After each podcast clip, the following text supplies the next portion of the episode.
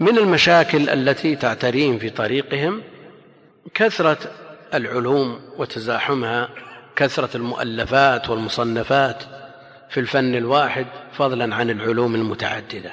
طالب العلم عليه أن يبدأ بالمهم فالمهم وبالمهم المهم ابدأ لتدركه وقدم النص والآراء فاتهم طالب العلم عليه أن يرتب وقته وينظم جدول يمشي عليه. يعني مثل ما يمشي على جدول في المدرسة الساعة الأولى للتفسير الثانية للحديث وهكذا.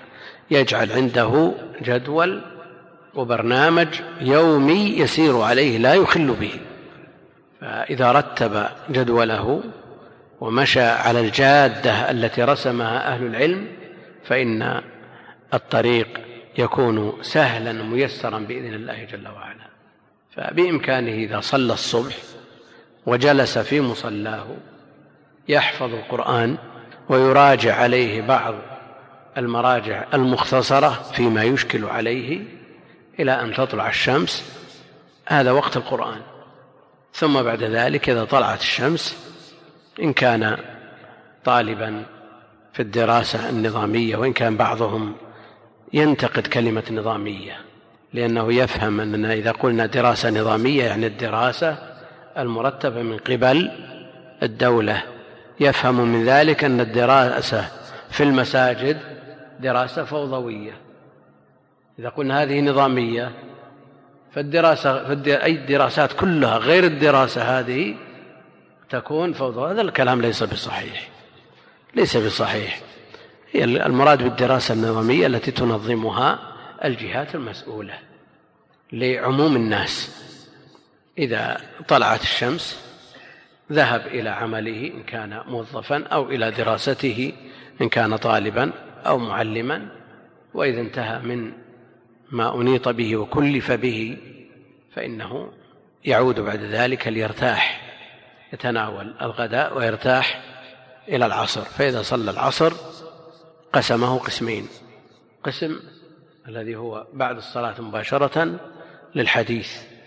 والقسم الثاني لكتب العقيدة الصحيحة وبعد المغرب ينظر في كتب الأحكام الفقه من الحلال والحرام وبعد العشاء يكمل تحصيله العلمي في كتب المعينة على فهم النصوص التي يسميها أهل العلم كتب الآلة.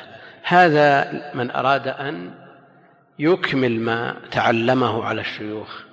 أما في وقت الطلب عند الشيوخ فإنه يتتبع الإعلانات وجداول المشايخ ويلتحق بالدروس التي تناسب مستواه وقد يعترضه مشكلة وهي في عصرنا ظاهرة بل هي معضلة.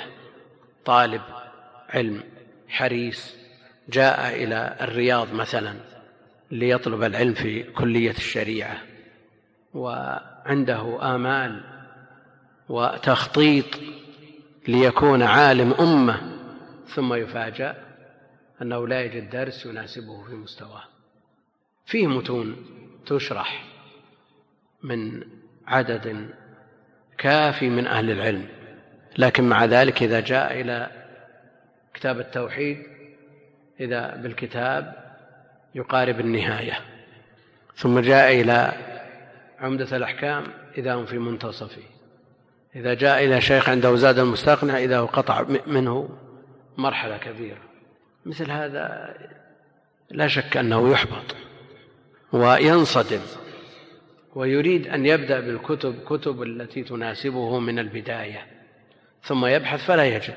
الشيوخ ما عندهم استعداد أنه كل ما جاء طالب يبدأ معه من البداية. وهذه مشكلة لا بد لها من حل. فمثل هذه يكملها هو يبدأ بالكتاب المناسب له عند هذا الشيخ ويأخذ النصف الأول الذي فرغ منه بواسطة الأشرطة. يكون معه المتن ويسمع الشريط ويكرر ويردد ويفرغ من هذا الشريط ما يحتاجه من شرح وبيان لجمل الكتاب ويدون ما يشكل عليه على طريقة السؤال ثم يلقيه على الشيخ يسأله وبهذا يكمل ما فاته. وإلا فكثير من طلاب العلم يصاب بصدمة حينما يأتي يريد أن يلتحق بدروس الشيوخ ثم يفاجأ أنه ما في ولا كتاب من البداية ومن المشاكل التي يعاني منها الشباب في حضور الدروس. هذه مشكلة كبيرة ومدته أو مدة إقامته في بلد الدراسة أربع سنوات. تجد بعض الكتب تحتاج إلى 12 سنة. ماذا يصنع طالب العلم؟ إذا حضر أربع سنوات ماذا عن البقية؟ نقول يكمل أيضا بواسطة الأشرطة على ما تقدم. لأن ما لا يدرك كله لا لا يترك جله. لأن الترك ليس بحل. الترك ليس بحل. إنما عليه أن يصبر ويصابر ويثابر ويستكمل ما فاته بالطرق المناسبة.